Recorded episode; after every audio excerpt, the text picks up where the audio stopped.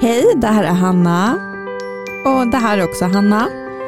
Det här är min och Angelicas podd som heter Under livet. Det är väldigt speciellt för mig att sitta så här idag för jag sitter ensam. Angelica hon är sjuk och ligger hemma. Och I det här avsnittet så får vi en gäst och vi kände att nej men vi kör ändå. Jag får försöka tackla det här introt själv och sen kommer jag ha ett samtal med vår gäst idag. Så krya på dig så mycket Angelica. Vi alla tänker på dig. Hur mår jag då? Gud det är så knäppt att sitta här och prata ensam. Hur mår jag? För tre veckor sedan så fick jag ju mitt tredje missfall. Nu är det ju så att jag ska få, eller både jag och Patrik ska utredas varför vi får de här missfallen. Och en utredning får man göra när man har haft tre missfall. Så att det känns jätte, jättebra att vi får göra det. Jag känner mig ganska, jag vet inte, men förstå mig rätt nu när jag säger att jag känner mig tacksam. För det jag menar är att det känns bra att få göra en utredning och jag nästan hoppas på att det ska vara någonting som är fel som man kan åtgärda så att det sen funkar. Jag hoppas det. Det kommer vara jättetufft. Det kommer vara många provtagningar. Både jag och Patrik ska undersökas. Så de gör det ju verkligen ordentligt. Det känns bra men det känns också väldigt läskigt.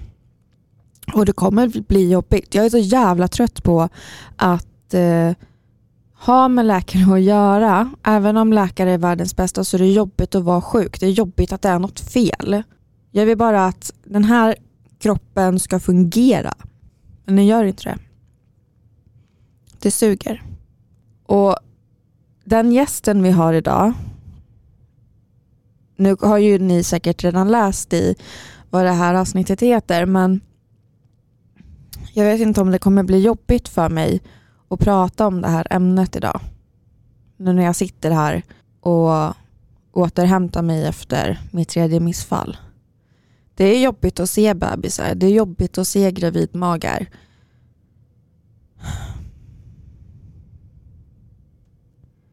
Hjärnan kommer ikapp också snart. Men det kommer alltid vara en sorg. Resan kommer bli annorlunda än vad jag tänkte mig. Än vad jag och Patrik tänkte oss. Men målet, hoppas jag, kommer vara detsamma. Oh. Shit. Nu tänker jag att vi säger hej till gästen. Jag ska hämta henne i lobbyn och så kör vi igång.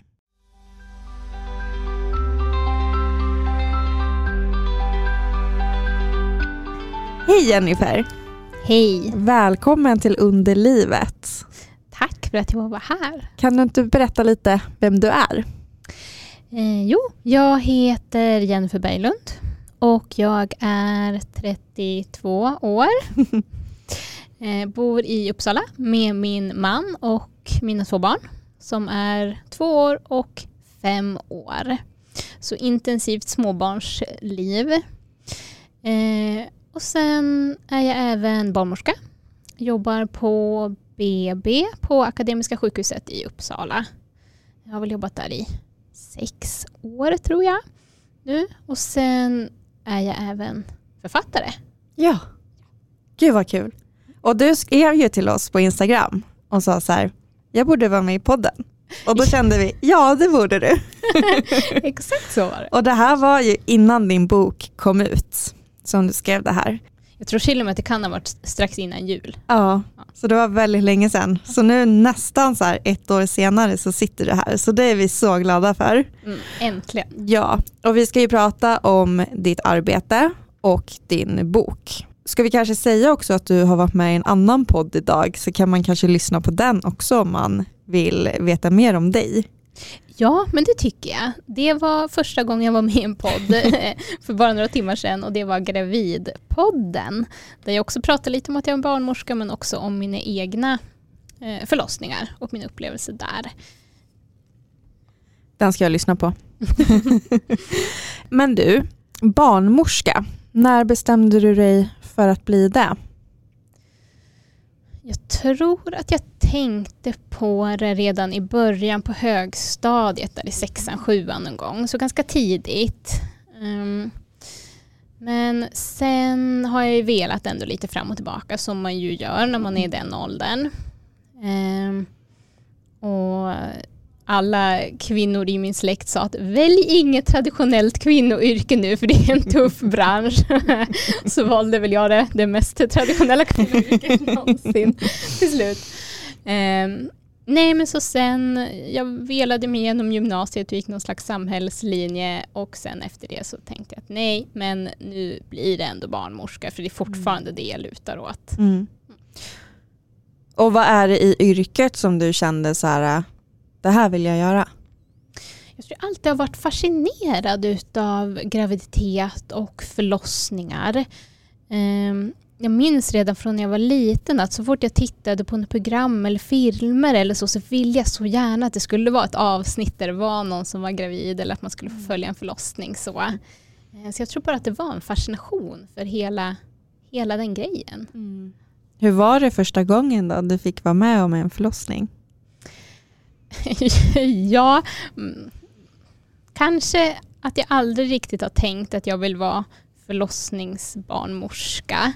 Eh, för att det är inte riktigt den här akutvården som tilltalar mig mest. Ehm, och det fick jag ju rätt i, för på min första förlossning när jag hade praktik som barnmorskestudent eh, så tyckte jag bara att det var ett kaos och jag kände att det var, det var så, så stressigt och verkligen inte min grej. Sen hade jag ju eh, var med på många förlossningar efter det som var, som var helt annorlunda. Eh, men just, just det där att jag fick mina fördomar lite bekräftade att nej, det var inte min grej. Så därför, det är därför jag har valt BB också. Då.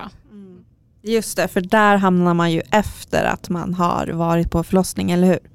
Exakt så är det. Antingen ligger man på BB när man är gravid innan förlossningen om man har någon större komplikation så, så man behöver vara inlagd på sjukhus. Eh, men det absolut vanligaste är att man kommer till oss efter förlossningen när bebisen är född om man behöver stanna utan någon anledning. Mm. Och vad är det för anledningar som kan ligga till grund för att man stannar? Om man är gravid så är det ofta sådana saker som att, man, att ens sammandragningar har kommit igång för tidigt eller att man har en blödning eller så i graviditeten. Eh, och de som kommer till oss efteråt eh, är oftast att mamma eller bebis eh, har någon komplikation, antingen sedan tidigare, kanske att mamman har diabetes till exempel. Mm. Eh, då behöver ju både mamma och barn lite extra kontroller. Eller att någonting har hänt under förlossningen som att man har fått en, en större bristning eller att eh, det blev ett kejsarsnitt Eh, eller vad som helst som kräver lite extra vård helt enkelt. Mm. Är det sant att om man går på antidepressiva att man får vara kvar ett tag på sjukhuset när man har varit med om en förlossning? Ja, jag tror att det är så att alla mm. sjukhus har lite olika riktlinjer enligt det där. Eh, på akademiska är det i princip alltid så att man stannar. Alltså jag tänker det är ju så himla många som tar antidepressiva mm. och det här har jag aldrig hört om förutom att det var ja, men en läkare som berättade för mig när jag blev gravid och då var jag så här, jaha, oj, men jag vill väl åka hem direkt. Det är så. Ja, det är jättemånga som säger så. Um, och just antidepressiva vill man ju bara titta så att, så att bebisen mår bra. Eh, men det är så med, med ganska många av våra diagnoser att det är många som vi också kan hålla kvar för att uh, säga att de ligger hos oss för lång vattenavgång. Att det har gått lång tid från att vattnet gick till att bebisen föddes. Mm. Då är det ökad infektionsrisk för både mamma och bebis. Um, men de allra, allra flesta får absolut ingen infektion bara för att de hade lång vattenavgång. Mm. Men vi vill ändå ha kvar dem utifall att. Och då är det många som kan tycka att de ligger hos oss helt i onödan och de mycket hellre skulle vilja åka hem. Mm. Mm. Vad, har, vad är det för stämning på BB? Det är ju på ett vis väldigt bra stämning. Många är, är jätteglada. Um, men det var faktiskt någon kollega som sa till mig för bara någon dag sedan när hon rapporterade över att åh, de här föräldrarna är så glada. Det är så kul att se några föräldrar som är glada. För att, mm. eh, vi får väldigt, väldigt ofta eh, se föräldrarna när de också är väldigt trötta. Mm. Eh, så det, det, är kanske inte det här allra mest sprudlande som man kan tänka sig, utan de flesta är väldigt trötta och väldigt slitna kanske som sagt lite uppgivna att de måste vara kvar på sjukhuset och, och det får man väl vara. Det måste man få vara efter mm. en förlossning så jag tycker att det är väldigt normalt. Mm. Alla känslor är tillåtna liksom. Ja, exakt. Alltså jag tänker mig att vi hade en eh, förlossningsläkare här eh, och då, då var jag, eller sjuksköterska var hon, förlåt.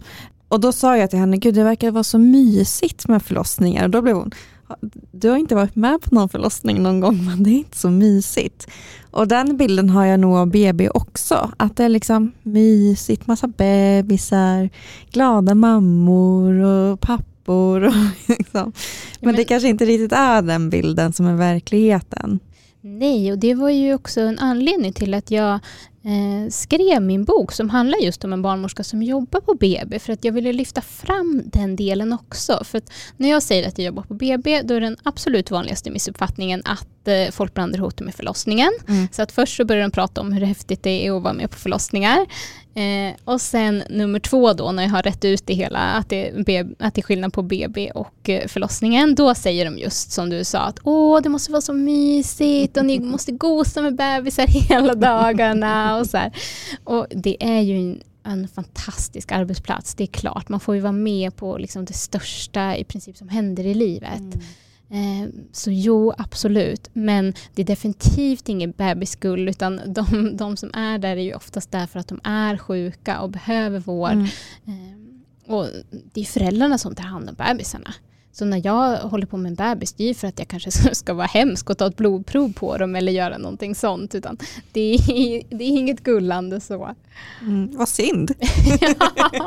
ja, jag tror kanske att det var lite mer så förut, ja. när man ofta låg inne kanske en vecka, även fast allting var helt normalt och så. Mm. Då tror jag att det var lite mer på det sättet. Men nu är det ju sjukvård.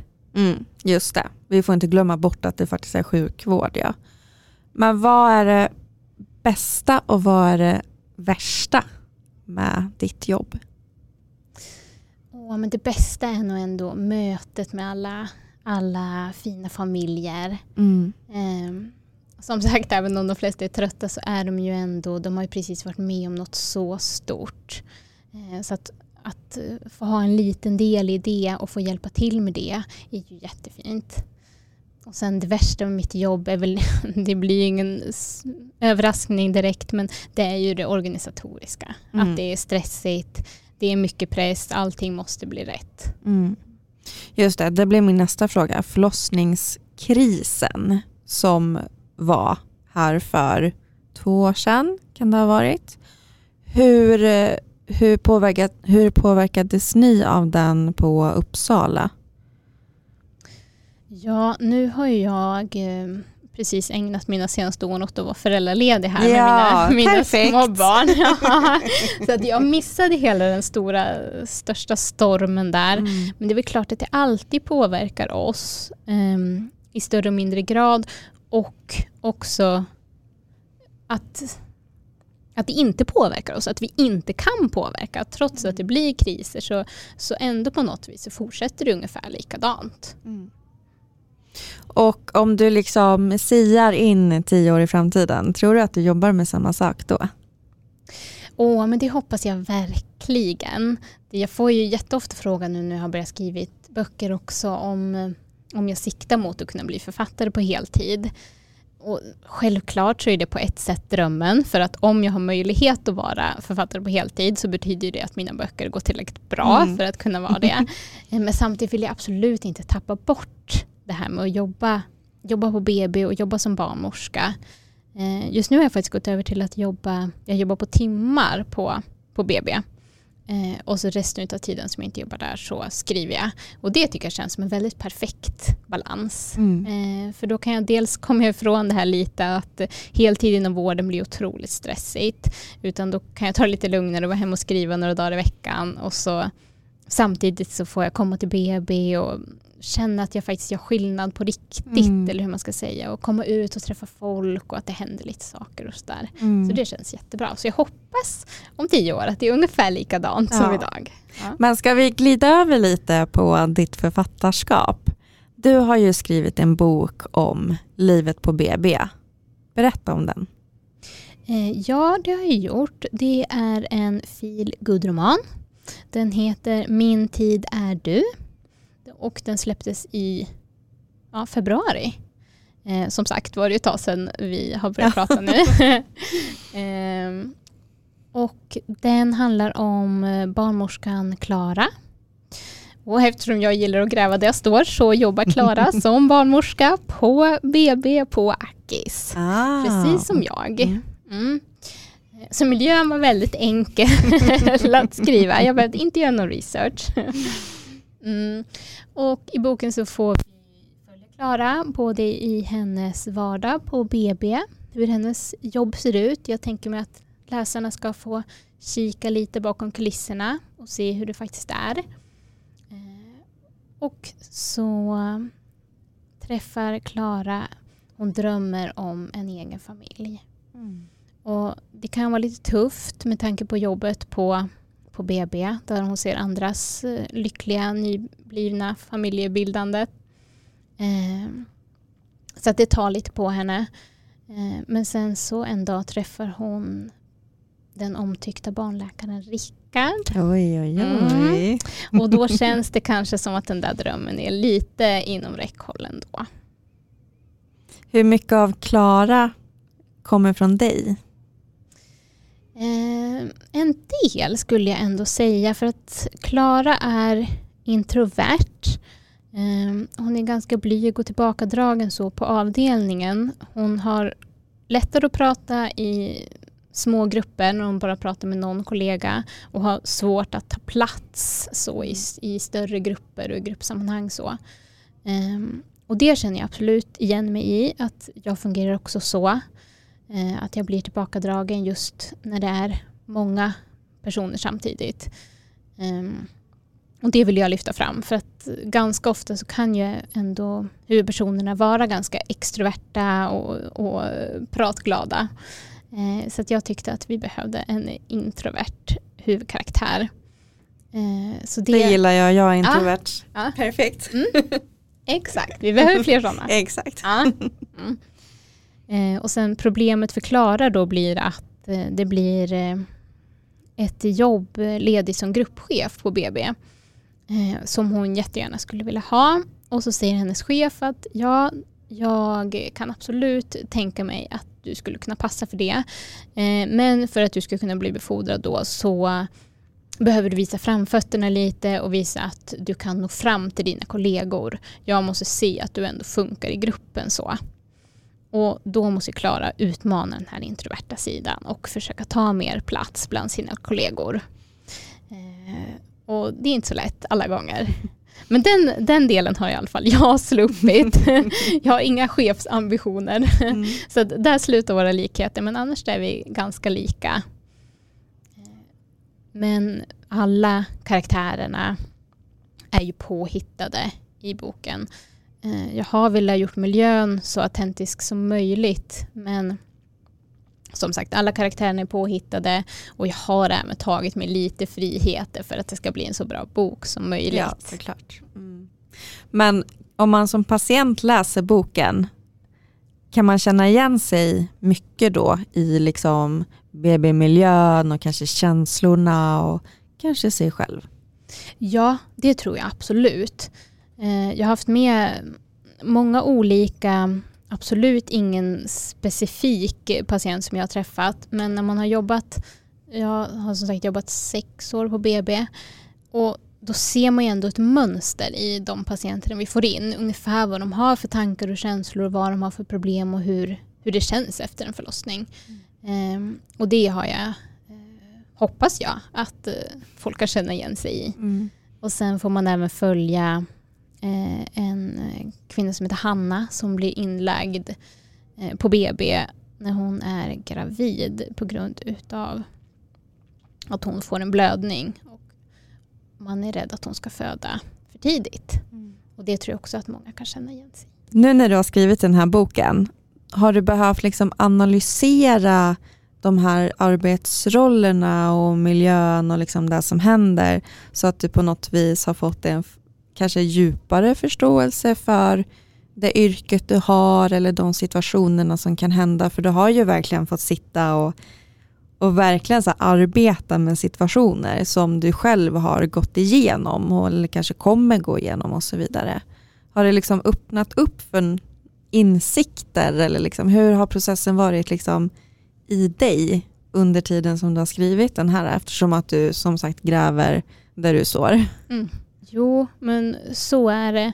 Eh, och att jag har fått sätta mig in i både hur tänker sig eh, kvinnan som har fött här, hur kan partnern tänka sig, hur tänker jag som barnmorska och att jag eh, ibland kan jag ju gå in och, och kanske förbättra en scen, alltså någonting som jag kanske tycker att ah, den här, det här kanske inte jag gjorde det bästa på, men i min bok då, då, då kan jag göra precis som jag skulle ha gjort när jag är som bäst och har fått tänka efter det ordentligt och Mm. så.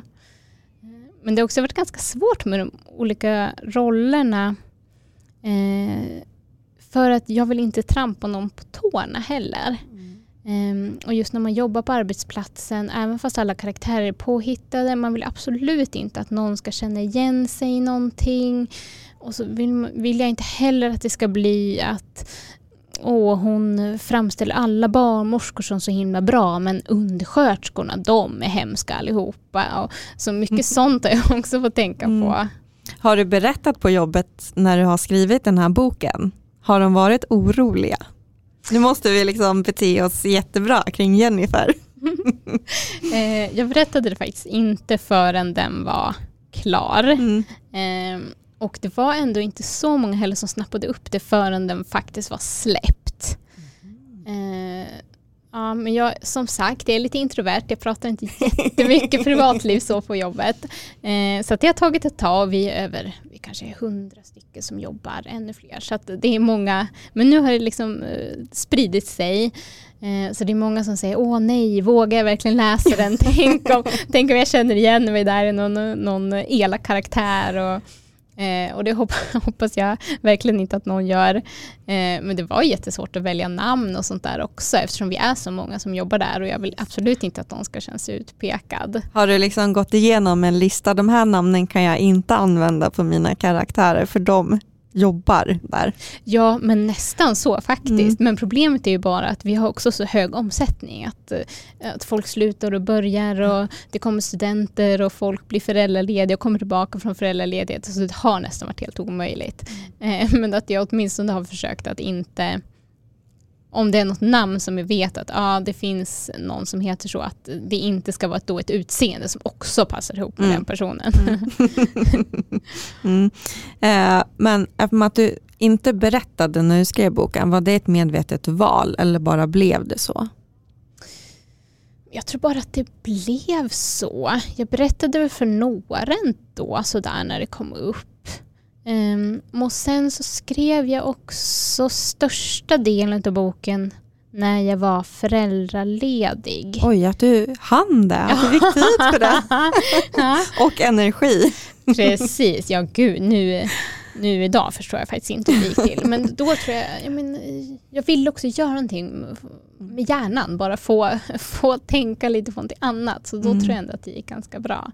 Men det gjorde ju också att, eh, att sen när jag väl kom tillbaka från min föräldraledighet, då var jag i princip klar med boken och då blev det inte att jag pratade om det på samma vis. Mm. Men hur, eh, hur kom den här idén till dig att du skulle skriva en bok som utspelar sig på BB på Akis? Eh, ja, det här var ju min fjärde bok. Eh, jag har skrivit en ungdomsbok tidigare och sen två feelgood romaner som handlar om eh, någonting helt annat. Eh, och så kände jag att ja, men nu är jag lite varm i kläderna och jag, skulle, jag hade ju tänkt hela tiden att ja, jag skulle ändå vilja skriva om en barnmorska. Eh, just för att få lyfta fram yrket och få faktiskt visa vad det innebär och sådär. Eh, så då kände jag att nej men nu, nu är det dags. Den här, den här gången blir det en bok om en barnmorska. Mm. Och du har ju ett förlag va, som du jobbar med antar jag? Ja. Du, ja. Mm. Gick du till dem då och liksom gav dem en så synopsis eller synopsis eller vad synopsis? Um, eller hur gick den processen till? Nej, jag bytte faktiskt förlag eh, inför den här boken. Eh, så att jag hade ett annat förlag som jag hade släppt de tidigare böckerna på och den här skickade jag till flera förlag. Eh, när den var klar då. Mm. Så jag skickade ingen synopsis utan när den var klar. Um, och då ja, var det ett förlag som nappade helt enkelt och så, så gav jag ut med dem. Mm. Och hur lång tid tog det att skriva? Ja, det där är så jättesvår fråga för att eh, själva, själva råmanuset som vi kallar alltså första, första versionen utav boken eh, tog egentligen inte lång tid, kanske tre månader ungefär. Mm. Oj, och hur många sidor är ett rom, eller var det här råmanuset? Ja men det är väl nästan som en, som en hel bok, kanske runt 300 sidor. Men jag skriver ganska kort ändå. Ja. Det är många författare som skriver längre böcker än mig så det gör ju också att det går lite Men det här, jag blir så sjukt imponerad att du på din liksom föräldraledighet skriver en bok på tre månader på 300 sidor. Ja, ja men, men sen börjar den långa processen att man måste redigera den här boken. Mm. För, och det tog ju flera månader. Um, och sen så skulle jag vänta på få svar från förlagen och så ville de att jag skulle redigera och då tog det ännu mer månader. Så, så eh, det är det som gör också att processen blir, blir utdragen. När jag tänker att ah, nu har jag skrivit ett råmanus, då är det, det är ju det är långt ifrån den färdiga boken. Så. Ja. Och hur, alltså hur, eh, hur mycket förändringar gör man? I, alltså kan man lägga till och ta bort karaktärer eller är det mer så här formuleringarna eller vad är det för ändringar man gör? Både och. Utan för, man brukar väl eh, förhoppningsvis börja med de här större förändringarna. Eh, om man måste ta bort eh, karaktärer eller att man upptäcker ehm, att saker inte går ihop eller man kanske måste lägga till en till sidohistoria till exempel för att få det att gå ihop. Mm. Det kan vara jättestora grejer som man behöver förändra. Mm. Eh, men sen så till slut är det ju tänkt att man ska ner mer på det här små pillet med meningsuppbyggnad och sådär. Man måste ju bli så knäpp i huvudet tänker jag. När man sitter där och bara pillar och pillar och pillar. Som att lägga så här 3000 bitars pussel. Ja, så är det verkligen och det, problemet är att det, det tar ju inte slut. Nej. Utan man hittar alltid små grejer som man skulle vilja förändra. Så till slut får man nog bara nej, men nu, nu orkar jag inte se det här manuset. Jag orkar inte läsa igenom det en gång till. Då, då är det klart. Har du, har du läst boken nu när den har kommit ut? Nej, jag har nej. inte läst någon av mina böcker när den kom ut. Är inte det bra då? Alltså att låta bli att läsa? För jag kan tänka mig att man kanske läser och så tänker man, fan jag skulle inte skrivit sådär eller jag skulle skrivit så här, jag skulle formulerat det så istället. Då. Ja men exakt så. Jag bläddrade lite i den här boken nu bara inför det här eftersom det som sagt eh, var ett tag sedan jag pratade om den nu. Eh, så att, och bara då såg jag så här, nej men gud, oj vad var det där för punkt och där vill jag ha kommatecken och nej fy, varför jag skriver den här meningen? Så, nej, det är bättre, bättre att tänka att den är klar och så får andra läsa den. Exakt, ja. Eh, har du boken med dig? Kan du läsa ett utdrag ur den? Ja, absolut. Ja. Får jag se? Ja, du kan få den där om du vill. Är det sant? Ja. Får jag den? Ja. Alltså jag, tack snälla. Eh, jag älskar titeln på den. Ja. Min tid är du. Hur lång tid tog det att komma på den titeln? Fanns det någon annan titel först? Mm, nej, det har aldrig funnits någon annan titel. Eh, utan det blev den, nej men det kom tidigt. Redan mm. vid D-stadiet tror jag. Mm. Ja. Jag måste lukta på den. Mm. Alltså det är ju speciellt med nya böcker. Mm. nu ska du få läsa ur din bok. Gud, jag är så taggad på det här att få höra. Varsågod. Då ska vi se då. Eh, kvinnan nickar och stönar högt när en ny sammandragning börjar byggas upp och långsamt når sin kulmen. När den klingat av passar Klara på att undersöka. Det har verkligen gått fint framåt. Livmodertappen är utplånad och du är öppen 5 centimeter. Bra jobbat. Kvinnan stönar uppgivet medan den blivande pappan ser desto mer exalterad ut. Fem centimeter? Wow! Se inte så glad ut. Allt det här är ditt fel, väser kvinnan. Mannens mungipor sjunker neråt medan Klara kämpar för att hennes inte ska dras uppåt. I det här läget brukar de flesta kvinnor helt glömma den lilla detaljen, att de faktiskt visst vill ha barn och att de möjligtvis också hade en viss delaktighet i skapandet av det barnet. Jag går och ringer förlossningen och ser vilket rum ni är välkomna till. Du har en helt otrolig författarröst också Nej, men, när du läser. Var kan man hitta den här boken om man vill läsa den? Eh, Ja, den finns att köpa som fysisk bok på nätbokhandlarna, till exempel Bokus eller Adlibris. Eh, Sen finns det även som eh, ljudbok. Den, den finns på Storytel och så finns den på Bookbeat, men inte Nextory. Är det du som har läst in den? Nej, det är det inte, lyckligtvis. Nej, nej. Det är Nej en tyvärr professionell- skulle jag säga. ja, men tack. Nej, det är en professionell inläsare. Hur häftigt är det inte att sitta med sin bok sådär i handen? Tänk att du har skrivit den där. Men jag vet, ibland slår det mig att herregud, tänk om någon hade sagt för bara några år sedan att jag skulle sitta här med min bok och Mm. prata i en podd. Mm. Nej, usch, det går inte att tänka sig. Men, men allting blir ju, det finns alltid nya, du vet. Nu har jag förlikat mig med tanken att ja, jag kanske ändå är författare. Det Men- måste man ändå säga med att du har släppt så många böcker. Men du vet, jag har inte släppt någon bok i något annat land till exempel, utan gränserna flyttas ju fram hela Mm. tiden för vad man tycker är det här häftiga. Liksom. Mm. Har du fått gå på någon författarfest eller förlagsfest? Jo men det har jag. Jag var på mitt förlag på förlagsfest i... Gud, när jag var där? Var det i somras? Ja. Eh, Och ikväll ska jag på en bokrelease för en kompis. Mm, så det, det är lite annan värld än barnmorske. Ja. där blir det inte så mycket fester. Mer, nu ska jag åka hem och slänga fötterna på soffbordet. Exakt Ja, så. Det Mm. tycker jag också att man ska göra. Men hur känns det att ha fötterna liksom i båda de världarna? Det är ju väldigt olika världar. Liksom. Ja, det är så otroligt olika världar.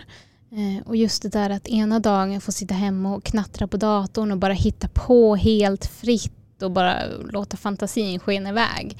Och sen nästa dag vara på ett oftast ganska stressigt pass på, på BB där allting är otroligt regelstyrt och varenda liten detalj måste bli helt rätt och jag får, får definitivt inte gå utanför några ramar där.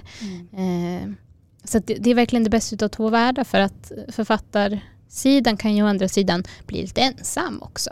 när man sitter där, där hemma ensam och skriver. Man har inga kollegor att bolla med riktigt på samma sätt. Mm. Det räcker med att jag går in på BB så, så omges jag av kollegor som kan både hjälpa mig och stötta mig och bara, bara få småprata med någon. Mm. Så det är verkligen, jag tycker det är så kul att ha båda. Mm. Och det tycker jag du ska fortsätta med som du säger. Eh, men nu skriver du på en ny bok. Eh, ja, det är det som blir lite krångligt när man, när man skriver böcker för att eh, jag är så långt före. Den här boken skrev jag som sagt när min son var nyfödd och han är två nu. Eh, så nu har jag en bok till som är klar som ska släppas i april. Och sen så skrev jag, ja men precis satte sista punkten i nästa manus efter det här i, igår. Ja, så, att, oj, oj. så att man ligger liksom långt före. Men vad handlar de böckerna om? Eh, Kan ja. du säga det nu jag vet inte vad du får säga och inte. Nej du, inte jag, inte jag heller.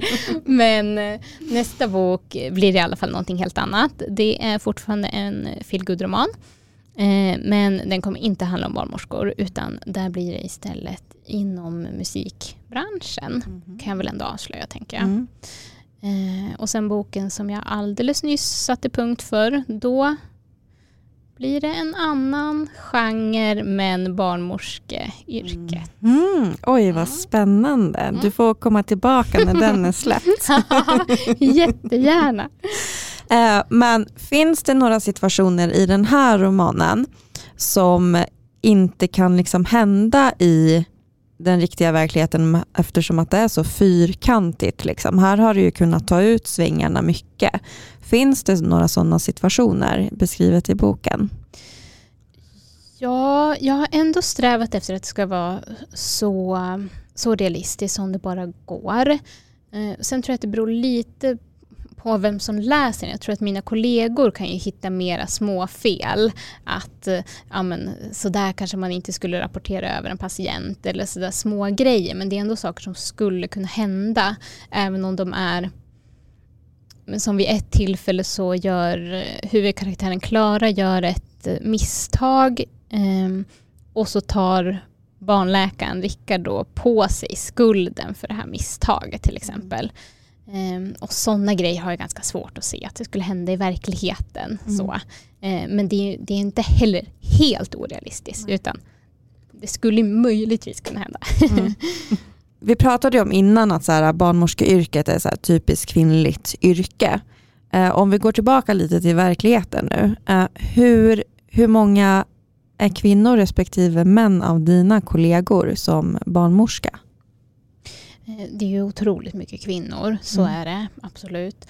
Um, och de, de män som finns är ju några läkare. Uh, men inte ens de är ju så många. Uh, utan det är mest kvinnliga läkare också. Till skillnad mot andra avdelningar där det kanske ändå är mer manliga läkare. Um, Varför det, tror du att det är så? Att det är liksom mest kvinnor som söker sig till, till sådana yrken med liksom kvinnohälsa? Jag tror fortfarande att det har alldeles för låg status. Mm. Att man trycker undan det där och tänker att eh, det där är kvinnosaker och det ska kvinnor syssla med på något vänster fast man tycker att man kanske borde ha kommit längre. Mm. Eh, så det var ju ett väldigt medvetet val att, eh, att Klaras bästa kompis eller vad man ska säga är i boken är eh, undersköterskan Adam mm. mm. som då får vara kille för att eh, vi hade faktiskt en en manlig undersköterska som eh, jobbade en sommar hos oss. Så det var lite roligt. Mm. Eh, men annars är det ju väldigt övervägande kvinnor. Mm. Ja, alltså en grej som jag inte förstår är ju, det forskas ju till exempel inte på så mycket kvinnohälsa. Men samtidigt så tänker jag så här, som forskare så vill man ju upptäcka nya saker. Och när det handlar om kvinnohälsa så finns det ju så enormt mycket att upptäcka. Ja, så ja. varför inte? För mig är det, jag är helt oförstådd för det. Ja. För det är liksom... Nej, jag instämmer till 100 procent. Mm. Det är helt orimligt. Mm. Ja, nej, jag förstår inte heller. Åter till boken. Snabba svängar här. um, vem är boken för? Vem skrev du den för? Vilka ska läsa boken? Jag hoppas hoppas att alla ska kunna känna igen sig i den. För jag tror ändå att de flesta har någon form av relation till BB. Um, ehm, om man är yngre tänker jag att man kanske eh, hoppas på att befinna sig på BB i framtiden och är nyfiken på det. Eh, eller så kanske man precis har varit där och fött barn och då kan det vara lite roligt att, att läsa om och se om man känner igen sig i miljön och hur det var med tankar och känslor. Ehm, eller om man är äldre och har fått barn för, för länge sedan. Eh, att eh, man kan se hur, hur det har förändrats från hur det var då. Eller de som, de som har valt bort barn kanske också är nyfikna på den miljön som de då inte har tillträde till. Mm. Så jag tänker att det förhoppningsvis kan passa alla. Och vad har du fått för eh, kritik till den här boken när du har släppt den? Vad har du fått för recensioner? Väldigt bra måste jag säga. Mm. Om jag kan säga, inte, nu vill jag inte säga det på ett skrytsamt sätt. Jo, det är men, klart du ska göra. men, men det jag menar är att det är många som har sagt just att de uppskattar att läsa om miljön. Att den känns just autentisk mm. eftersom, eh, eftersom jag känner till den så bra helt mm. enkelt. Eh, så det är det som de flesta har sagt. Och att, ja, jag har egentligen inte fått på just den här tycker inte att jag har fått så mycket. Sen får man ju alltid dålig feedback också. Eh, såklart. Eh, men ingenting som sticker ut just på den här. Nej, det tycker jag inte. Jag tycker alla har varit så otroligt eh, snälla och gulliga när de ger feedbacken. Ja. Vi tycker att det är helt underbart att du har skrivit den här boken eh, och jag ska läsa den. Jag har inte hunnit göra det än, men jag ska läsa den. Eh, för det är helt fantastiskt att eh, du som barnmorska skriver om barnmorskeyrket. Det är ju ni som kan berätta hur det är. Och som du säger så många har ju sina förutfattade meningar om BB. Man tror att det är förlossningen. Eh, så det här är ju den kanske borde användas som kurslitteratur. ja, ja, ja. ja, det tycker jag. eh, vi ska avsluta, tiden går otroligt fort. Men jag tänker att du ska få säga några avslutande ord. Vad som helst. Vad, vad vill du säga till kollegorna, till blivande föräldrar, till blivande läsare av boken? Oh, herregud, ja vad vill jag säga till alla de människorna? Jo men helt enkelt att, att det är så fantastiskt att när, när ett barn föds och en familj bildas och, och på, på alla sätt som man kan närma sig det är väl jättefint oavsett om man är, är gravid eller om man eh, jobbar inom vården eller vad man nu har för, för relation till det. Tack snälla Jennifer för att du kom hit. Äntligen! Äntligen! Ja. Tack så jättemycket. Nu ska du få springa vidare på releasefest. Ja, just det. det ska Tack. Tack så mycket.